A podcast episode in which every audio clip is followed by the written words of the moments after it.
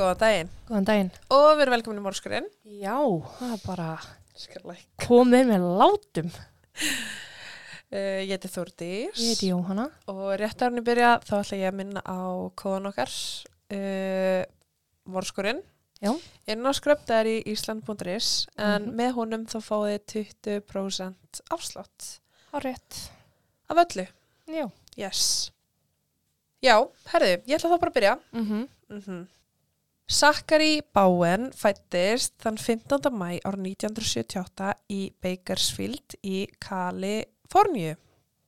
Hann var feimistrákur með skemmtilegan húmor og elskaði að hlusta á metal tónlist.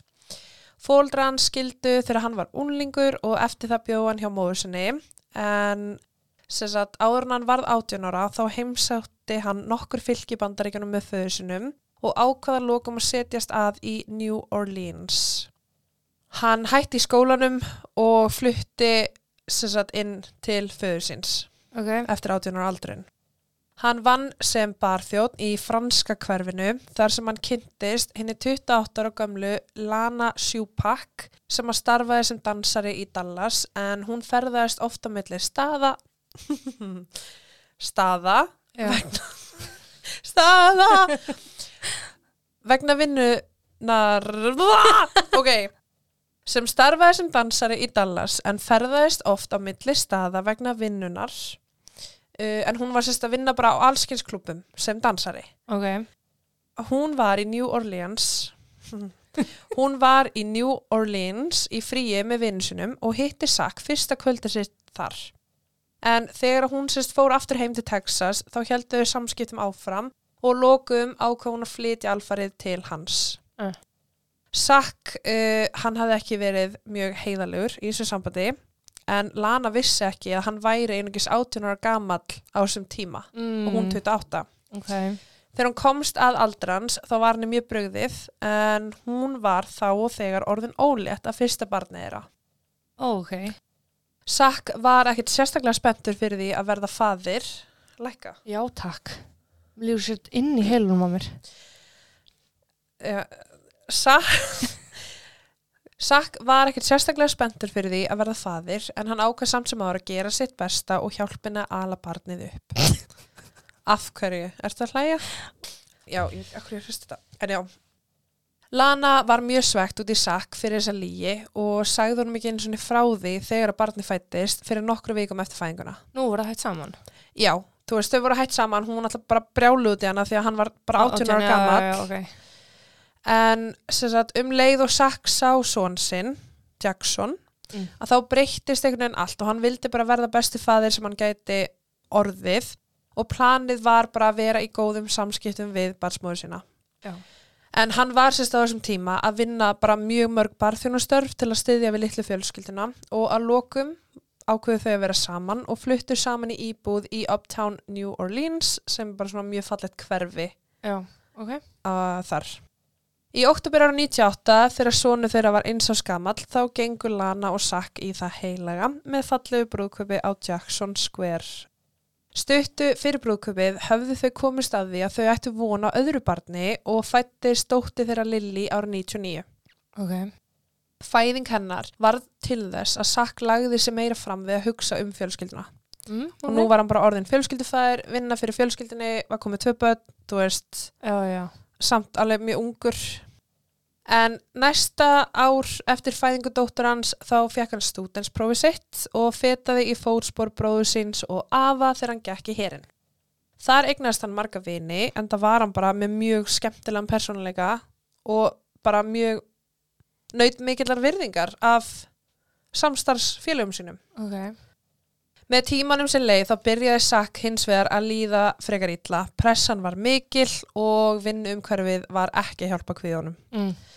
Sumari 2001 þá fór hann heim til New Orleans til þess að jafna sig eftir aðgerð og á þeim tíma kláraði hann að skrifundu pappira sem að gerði fjölskyldu hans kleift að búa með honum á herstöð í Þýskalandi þar sem að hann var staðsettur. Já, já, ok. Þegar þau fluttu þangað átti Lana erfitt með að aðlagast umhverfinu og eignast vini. Uh, líf hennar sem bara strippari eða dansari hafði komið upp á yfirborðið Mm -hmm. uh, þegar hún sendi sakka einhverja myndir af sér sem að síðar síndi herfjölugum sínum Já. og þá byrjaði þetta slúðurinn að dreifast um að hún hafi, hvað hún hafi verið að vinna við áður Já. og þessir vinnufélagar sakk fóru að segja konum sínum frá hennar starfi og þær tóku bara ekkert vel í það og vildu bara ekkert að hún væri að umgangast mennina sína Ég og hún fekk ekki að koma með í matabóð og alls konar svoleiðis. Að því hún gæti pottið reyfis úr öllum fötunum og fara að strippa. Já, hún var pott að fara að gera. Þannig að, þú veist, hún átti bara rosalega erfitt með að aðlagast þessu nýja lífi í Þýskalandi. Já. En krakkatir samt sem áður nutu þess að vera í skóla og, í bara, og þau fengu að ferðast mikið um Evrópu sem fjölskylda vegna þess að þau voru reglulega að færa sig um setur.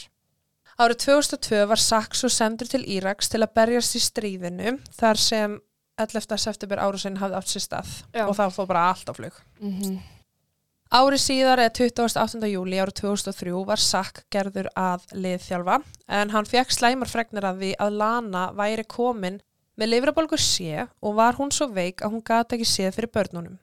Að sé, ok. Herin neitaði beðni hans um að fá að vera á herstöðinni og hugsa um fjölskylduna sína þannig að hann dvaldi í Bagdad þar sem hann helt áfram að sökva ofan í þunglindi með bullandi samviskupið um að geta ekki hugsað um fjölskylduna. Þegar hann loksis kom heim þá tók Lana eftir mjög miklum breytingum hjá honum. Hann var ekki lengur þessi hamingjusami sakk sem hann lakkaði til að hitta fjölskylduna sína. Hann var orðin frekar rólegur og bara mjög fjarlægur. Lana jafnaði sig á endanum á veikindunum en Sack var bara döðþreyttur eftir stríðið og vildi bara ekkert lengur vera hluti af hernum. Æ. Hann hafði fallið á þólprófum og var í kjölfarið látin víkja úr hernum. Ó, ok. En hann sagði fjölskyldur sinni í raun ekkert frá því.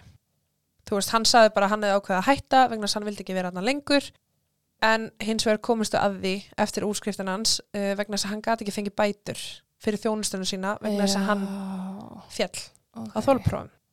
Þegar Lana komst að því, en annar er líginni, þá var hún augljóslega mjög reið. Allur tilgangur með því að vera í hernum var að sjá fyrir fjölskyldunni þeirra. Þannig að árið 2004 tók Lana ákvörðun um að hún gæti ekki lengur búið með manni sem hún þekkti ekki lengur og sótti í kjölfarið um skilnað. Ok. Þau fluttu bæði aftur til New Orleans saman en Lana hafði raun engan áhuga á að reyna að endurbyggja sambandið. Á milli starfa var Sack heima með krökkunum á meðan Lana vann og þannig skiptiðu verkum sín á milli. okay. Síðan fór Lana, var Lana heima með börnin og Sack fór að vinna. Já. Árið 2005 byrjaði Sack að vinna aftur sem barþjótt á Hawks Bar en þar kynntist hann konu að nafni Addi Hall. Addi var mjög frjálsleg, hún var dansari, saumakona og skáld og bara svo mjög listræn típa og Sackirinn bara laðaði strax að henni. En hún hafði samt sem áður engan áhuga á honum í fyrstu. Addi var heldur ekki frá New Orleans, hún fættist í Norðu Karolínu og ólst upp þar á fóröldu sinum en fadrinnar var sérst ættar frá Vietnam, svo nátti rækjur að reykja þangað. Rækjur að rekja.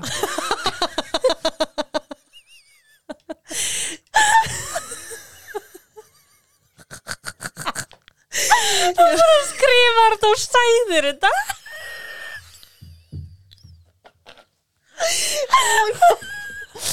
Oh my god, ég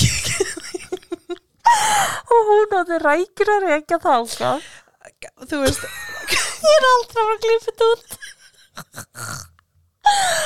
Æj, shit. oh my god Ég tók ekki eins og eftir þegar ég sagði þetta sko, ekki eins og Þetta varst að hefur ég var að hlusta. ángur, ekki eins og þegar ég las þetta sko Ok, sérst Pappir er sérst bjóð Vínam og hún átti rætur Segir maður ekki ættir að rekja? Segir maður ekki rætur? Rætur að rekja? ekki skánar þetta? Hún var sérst ættuð frá Vietnam Það er hann að koma. Mhm. Ó, shit. ég voru hann að grænja og láta. sko þegar þú sagði rækjur, ég bara af hverju þetta segja rækjur, svo leiti ég á skalið, ég bara já, ok, ok, sko, eftir það, þú sért ekki bara hægt að hlæja, Oh, shit. Oh my god, ég var aldrei verið á glöð og ég er ekki til mál og þú þurfur að taka máli fyrir um þau Vá.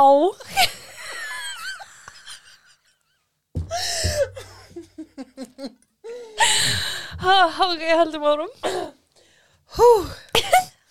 Og ég trú ekki þessu ofin þáttur.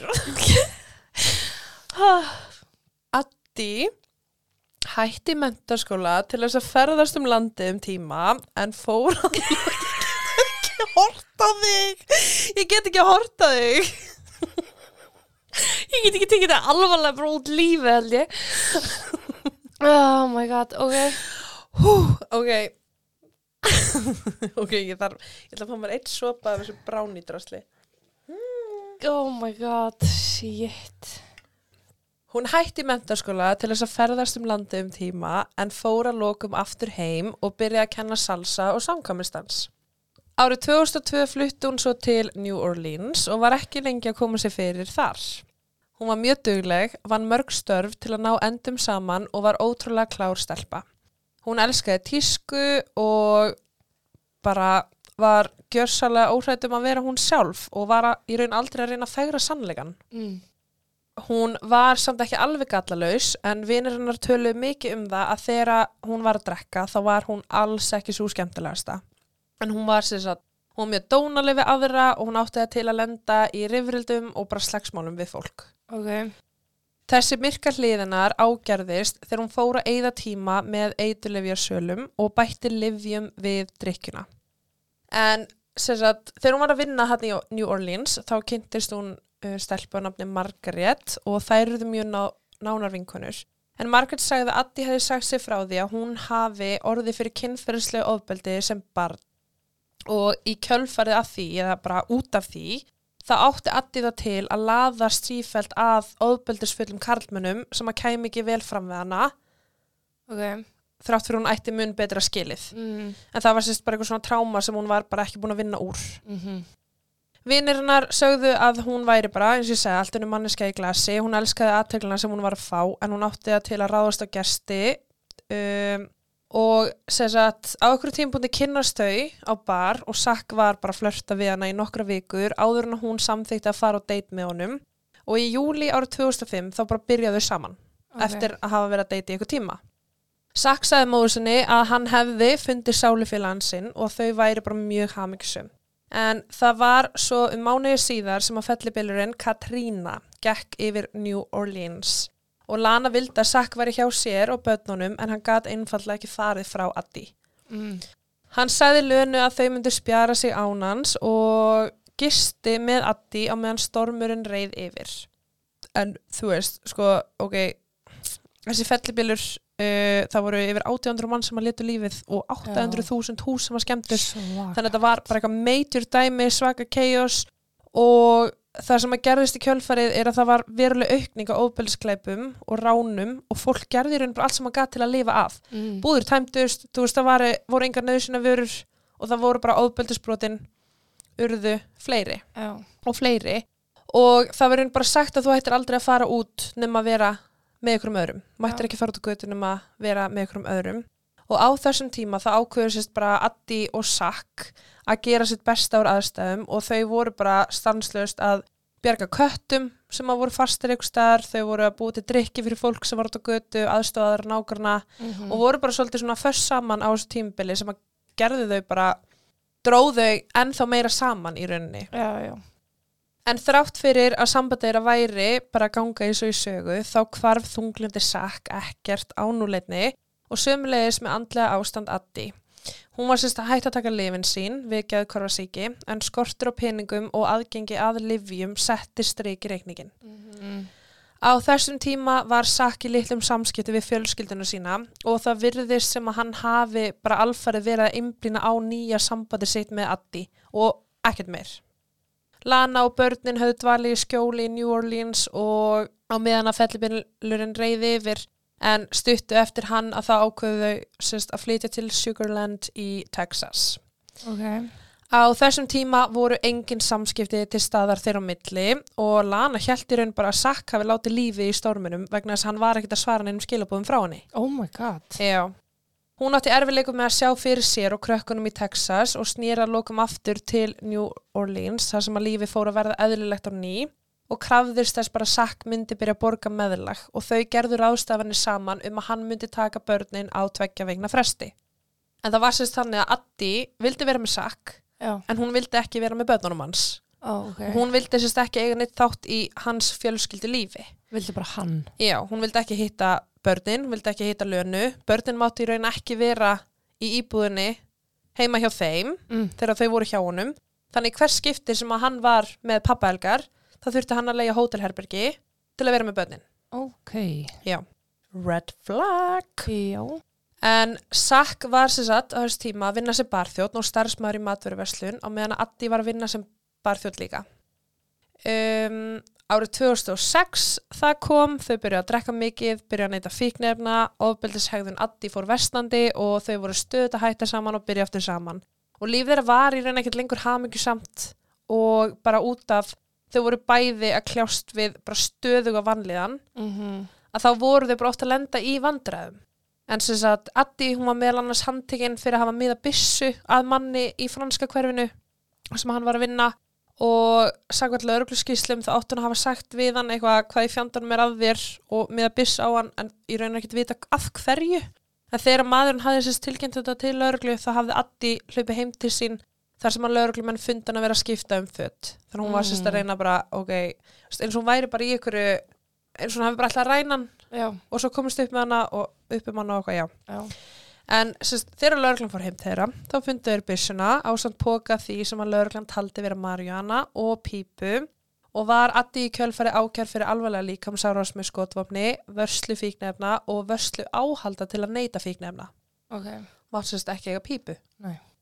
Um mánuði síðar var lögreglan kölluð til í sömu íbúð þar sem að tilkynnt var um mikið ónæði.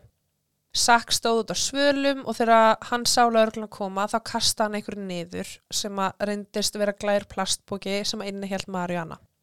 Og hann var í kjölfæri ákjörður fyrir fíknefnalega brott. En bara fíknefna neysla þeirra beggja jógst verulega og voru þau byrjuð að eyða um 400 dólarum á viku í fíknefni. Og sætla alveg slalla penning. Já, og um þetta leiti var Addi hann uh, vísað út úr íbúðinni sem hún var að leia bara út af sérst, öllu þessum fíknefnum og hún var ekki ná að borga leigu og þau sérst, fengi að krassa á sófanum hjá okkur vinu sinum og lo- að lokum í óttubir ára 2006 þá funduðu aðra íbúð. Hún er væntalega ekki að taka lifi sín sem hún þarf. Nei, Nei. hún var hægt að taka þau. Addi var handvið sem að annað umhverfi myndi laga sambandi þeirra en að sögn leigusalans sem að var sérst að fara að leiga um nýja íbúðina. Þá virtust þau vera mjög hamingjusamt par en þegar það kom að því að skrifundi leigusamningin þá fóru þau sérst að rífast um það hvor nafnið ætti að vera skráð fyrir íbúðinni. Ok. Og Addi sagði við leigusalan að hún ætlaði að reka sakk út úr íbúðinni þar sem hún hafi komist að því að hann hafi haldið fram hjá sér. Þannig að hún var sérst að reyna að fá nafnið sitt á íbúðin, að sérst skrá hana á íbúðina og vildi sérst láta taka nafnið hans af leigusamningnum svo hún gæti látið löglega fjarlægan þegar að því kemur. Já, já, já. En voru, þarna voru þau bara eitthvað, þú veist, bara það var eitthvað að gerast í sambundinu þeirra. Já. Sack tók þessum fréttum ekki vel. Hann spurði leigusalan hvort hann hafi leift henn að skrifa einu til samningin og hann sagði raun bara við hann að hún væri ykkur ruggli núna og væri að reyna að reyka sig úr íbúðinni og leigusalan sagði bara, hei, vinnið úr ykkar ágrinningi og versinni og komið og tala við mig þegar þeir eru komið samkomulega ykkur á milli. Þú veist, ég nenni ekki að blanda mér í þetta. Mm Þegar þeir eru sátt, eru búin að ákveða hvað ætla að gera, koma og skrifa undir. Já, já. En það var samt ekki málið að því að þessi leigusali, hann sá Addi ekkit aftur vegna þess að augljóslega höfðu þau ekki náð samkomulagi. Nei. Hann var samt sem áður ekki sá eini sem að sá Addi ekkit aftur en hún hafði heldur ekki mætt til vinnu. Mm. En eftir kvarfinar þá sagði Sack vinnu sínum að hún hefði yfirgefið sig uh, og flutt aftur til Norður Karolínu og hann vissi hann ekkit hvar hún væri. En hann var niðurbrotin að hún skildi gera sér þetta og í tvær vikur þá held hann áfram að vinna og djamma og hann eittir hún bara aðlegunni sinni 1500 dólarum í djam, djús og eiturlif. Dásamlegt. Já. Klukkan 20.30 þann 17. oktober árið 2006 þá framdann sjálfsvík með því að stökkva fram af þaki af Omni hótelinu. Myndbars upptökur frá hótelinu sína síðustu augnablikans áður en hann stekkur niður en hann hafði sérst svona hort yfir handriðið, tekið sopa af reiknum sínum og kasta sér fram af. Mhm. Þegar rannsóknulörglumenn kom á vettvang þá fundur miða í vasanum hans. En á miðanum stóð, þetta er ekki slis, ég þurfti að taka líf mitt til að borga fyrir lífi sem ég tók. Mhm. Uh, this was not acci- accidental, I had to take my own life to pay for the life I took. Mhm. Á miðanum stóð að lögreglan ætti að heimsækja íbúðuna hans á Rambart Street sem að þeir gerðu. Þegar þeir gengu inn í íbúðuna þá var mikið um bjórdósir, þá voru flutningskassar eða bara kassar, pappakassar, allstaðar. Uh, íbúðun var bara mjög sóðaleg og það var búið að spreyja einhver svona skilaboð um alla veggi. Ok. Um, þar stóð meðal annars Call my wife, I'm a total failure Look in the oven, I love her og Please help me stop the pain og þetta var bara svona á við og dreif Já. bara ringi í konu mína kíki í opnin ég elskar hana, hjálpi mér að stoppa sásökan Já. Það fyrsta sem að lögreglan gerði var að fara einmitt og kíkja í opnin. En þegar þeir komin í eldús að þá fundu þeir sagt, líkamsluta addi í eldúsinu. Uh, það var partur í opninum, í ískapnum og á eldavílni og þeir fundu líka handskrifa bref með játningu. Mhm. Það var líka, sagt, inn í eldúsi þá var hann búin að sprauta svona örvar sem að beindu að opninum. Þannig að hann var í raun bara Spreyja. kíkið já, Já.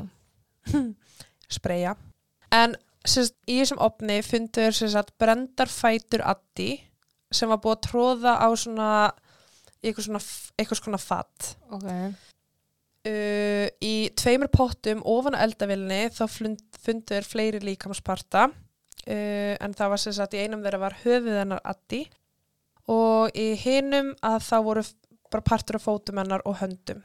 En í ískapnum þá fundu þeir búkin hennar í ruslapoka. Þeir fundu einnig skriflega játningans í dagbók Addi en það var sem sagt um áttablaðisur og gefur raun bara svona nákvæma frásögn af því hvað gerðist. Uh, hann byrjaði sérst á því að skrifa bara fullt nafni sitt, aukurskiptisnúmerið, fæðingadag og alls konar bara eitthvað svona upplýsingar sem að mögulega lauruglaminn þurfa Mhm. þess að hann væri bara að hjálpa þeim og hann segir til dæmis í dag er mánudagurinn 16. oktober og klukkan er 2 af morgni ég drap hana klukkan 1 fimmtudaginn 5. oktober Ok. og hann segir ég kyrt hana og þetta var mjög fljótlegt en hins vegar það sem að sakjarði eftir að hann draf Addi var allt annað en fljótlegt E, já. Uh, hann sagðist hafa brotið kynferðislega á líkinu nokkur sinnum í þessu brefi og hann hafði meðal hann sagt að hann hafði farið á fyllir í og verið sér satt bara í raun fullur með lík kæristu sinnar við hliðin á sér í sófanum. Hann sagði að daginn eftir að hann hafi drepið hana þá hafa hann sett sér satt opnin á 60 gráður og í raun bara farið að vinna og þar voru í raun bara fætur hennar eða lík hennar að bakast. Mhm. Þann 9. oktober uh, hafði hann, sem sagt, samkvæmt honum, þá hafði hann komið heim úr vinnunni og það var þá sem hann byrjaði sérst svona almennilega að sundulega líkanar á baðherberginu með handsög og nýf. Og hann sagði, hann skrifaði meðal annars að á miðir leið í gegnum þetta verkefni þá hafa hann stoppað sjálfa sig og hugsað hvað er ég að gera. En sem sagt, hans ákvörðun um að bara fara og losa sig við líki í heilu lagi eitthvað starf Mhm. hann hefði hætt við það og ákveði að fara í plan B sem var sérst að skera hann í bita af því að hann var í raun bara hrættur um sérst afleggingarnar ef hann myndi ekki losa sig almennilega við líkið. Já. Hann sagði raun að ætlun hans hafi verið að elda líkið til þess að létta aðskilnaðin sem hann fekk eftir að hún lést vegna þess að hún, hann saknaði hennar og hann ætlaði sérst að farga líkansleifunum á hérna ýmsu staði. Uh, hann endaði síðan þetta bréf með lista yfir öll mistökin sem hann hefði gert og þar var hann í raun bara að tala um skólan, starfið sitt, herin, hjónabandið, fóröldarhlutverkið, þú veist, siðferðiskendina, ástina Mhm. og var bara svolítið svona að segja frá sjálfu sér, einhvern veginn. Á líkama hans voru einni 28 sígarettu fyrr, það sem var búið að brenna eftir sígarettur Á líka mun hennar að hans. hans. Hans. og hann sagði, það voru sérst 13 á hvorum handlegg og tvö brjóstun hans og hann sagði að það væri eitt fyrir hvert uh, missefnað ár sem hann hafi lifað. Vá, ok. Já. Einkona hans Lana, hún fekk raun bara líkamsleifar hans til að fara og grafa. Hann var náttúrulega, jú, pappi, barnana, Já. hennar. En í rauninni er uh, mál þeirra bara búið hér, sko. Það er alltaf ekki að ákjæra hann, eitt hann er dáin. Hann er dáin, það er ekki að gera neitt, það er engin réttarhöld. Þú veist, í rauninni er þetta bara sorgarsaga frá A til Ö, þar sem við sjáum bara að samblanda af geðsjúdómum sem að eru ómeðhandlaðir Mm uh, fíknefni, áfengi hvað allt þetta getur haft uh, á fólk bara í bara óstöðum aðstæðum -hmm. og þegar heimilisofbildi er til staðar mm og andlitofbildi og í rauninni voru bara Sakk og Addi, þau voru bæði með djöfla að draga sko -hmm. vegna þess að þau voru bæði með eitthvað í gangi sem að var ekki verið að meðhandla og þau voru ekki að leita aðstóðar við Nei, voru náttúrulega bara að deyfa með öðrum hætti. Já, og þú veist, einmitt, maður velti því alveg fyrir sér sko hvort að hlutir hefðu farið öðruvísi ef að þau hefðu verið með aðgang eða greiðan aðgang að geð heilbreyðis stopnun Uh -huh. sem að hefði getað farið á annan veg til dæmis líka bara eins og Addi, hún var hægt að taka lifin sín Já. Sakk augljóslega þurft að lifið með að halda var Mhm. örgulega með áfallastreitur öskun allt eftir einmitt. var með þunglindi og það var ekkert sem var að gerast í því Herin líka bara, já, ok, herri, þú hérna fjálst á þólprófi Já og við ætlum að klippa á allan aðgang af öllu. mm Það sem er mjög aðtilsvert er að það var sérst gerð heimildamind um Sakk og Addi Mm. og í uh, heimildamindinni þá kemur sérst Margaret sem ég myndast á hann, vinkona Addi fram -hmm. og það er hún bara í raun að segja frá þeim, þær voru náttúrulega að vinna saman og það segir raun bara þau að vera bestu vinir Já. en það er síðan sko nokkrum árum síðar uh, þú veist, sko í heimildamindinni er hún bara eitthvað, já þetta er bara þú veist Sakk myrti bara vinkunum mín og dararara En svo nokkrum árum síðar að þá var hún sagt handtekinn, hún og kæristan hennar fyrir, þar, fyrir það að myrða uh, aðila að nafni Jaren Lockhart en það var í júni árið 2012 og það er svolítið skrítið að sjá hana að vera í þessar heimildamynda það sem er verið að teka viðtöl við hann um morð á vinkun hennar Mm -hmm. vitandi það að nokkrum árum síðar þá fer hún og drepur eitthvað með Já. kæristanum sínum eða viljið vita Margaret og kæristannar þau sem sagt, fundu einhverja stelpu á okkur svona gentleman's club Mm. lokku hana heim til sín þar sem að þau stungana og skárun í bita og kastuðu nefið brú. Ó, vá, ok. Já. Ekki alltof ólíkt því sem átt sér stað. Akkurat, búin að koma fram hann í viðtalið sem vart bara eitthvað elsku vinkona mín. Já. Já, og pluss að hún sagði líka sko, hérna, í þessu viðtalið þá segir hún orðrétt. I felt so bad for the family because I had a friend. My friend was Addi Hall. She was cut up and was cooked and her boyfriend jumped off a hotel. Og bara bara eitthvað, uh, afsækja vinkona, hvað gerði þú? Já, einmitt. En sko, þú veist, þetta mál er rosalega viðkvæmt og hræðilegt og sérstaklega bara það sem að hann gerði við um, Addi. Mm Það hefur líka komið fram sér að núna svona síðust ár með bara svona paranormal dæmi. Mm. Það var sér að aðalið sem að var að taka upp þátt fyrir paranormal lockdown. Hann gerði þessi þátt inn í þessu, þessari íbúð Já.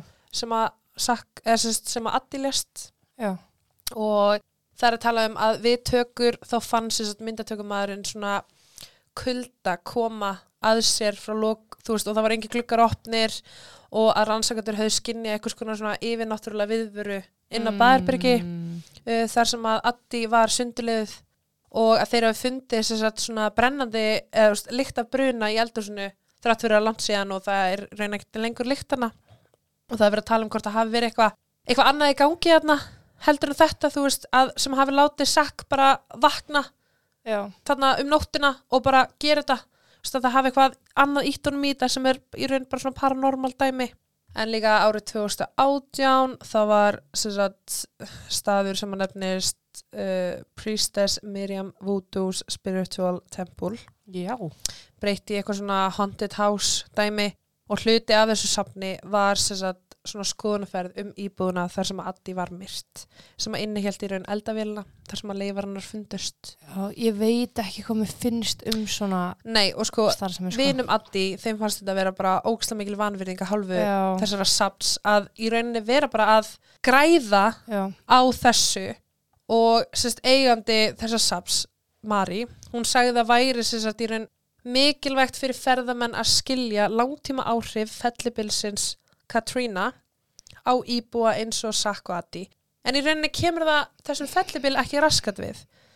nei Vegna þess að þetta var ekki, þú veist, þú getur ekki borða fyrir þig að ferðamenn verða að skilja hvað þetta er erfitt fyrir okkur og Nei, svona nei, hlutir nei, gerast. En þú ert í raun bara að græða peninga á... En að sjálfsögðu, sko, fellibillin svo slíkur var til þess að fullta fólki misti heimil sín og sjálfsögðu margir sem áttu erfitt fyrir áttu enn erfiðara.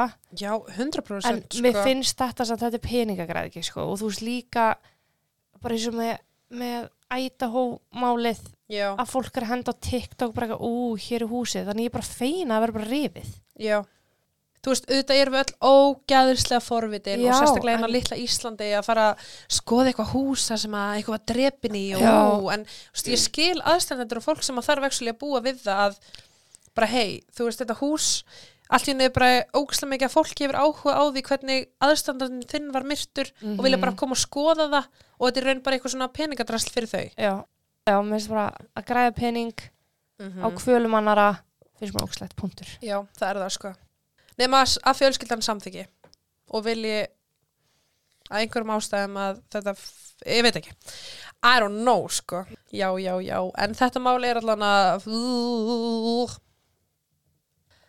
þá var einnig talað um að Sack hafi sagt getið part af Addi. Borðað. Borðað og hann fekk viðunefnið uh, Katrina Cannibal. Já, Já, og það, þetta voru eitthvað svona sögursagnir sem fóru um og allir bara Katrina Cannibal og allt, þú veist, fréttamillar fjöllum og hann hefði borðað hann á okkur svo leis já, en í rauninni, þú veist, lögregla segir að krupning Sack hafi sínt fram á að það var ekkert kjöt í magunum hans á þeim tíma sem hann dó. Nei. Vitum ekki, þetta er náttúrulega búið að vera í gangi einhver nokkra daga. Um, og lögreglan segir einnig bara, þú veist, að hann hafi sagt, hann kryttaði fótleikin hennar sem voru í opninum mm. með bara spices, Mhm. krytti, þú sé svona ólið eitthvað. Og lögreglan segir að það hef ekki verið að því hann hafi ætlað sér að borða þetta heldur það hef verið til að fela lyktina. já Af- sagt fótleikjunum. En á sama tíma we'll never know Nei, í rauninni. ekki við sem ég vilja vita. Hvort sem hann borða hann eða ekki. Mm -hmm. já. en já, herðu, ég ætla þá bara að takka fyrir mig í dag. Já. og ég segi þá bara takk og bless. Mhm. og þar til næst. Bless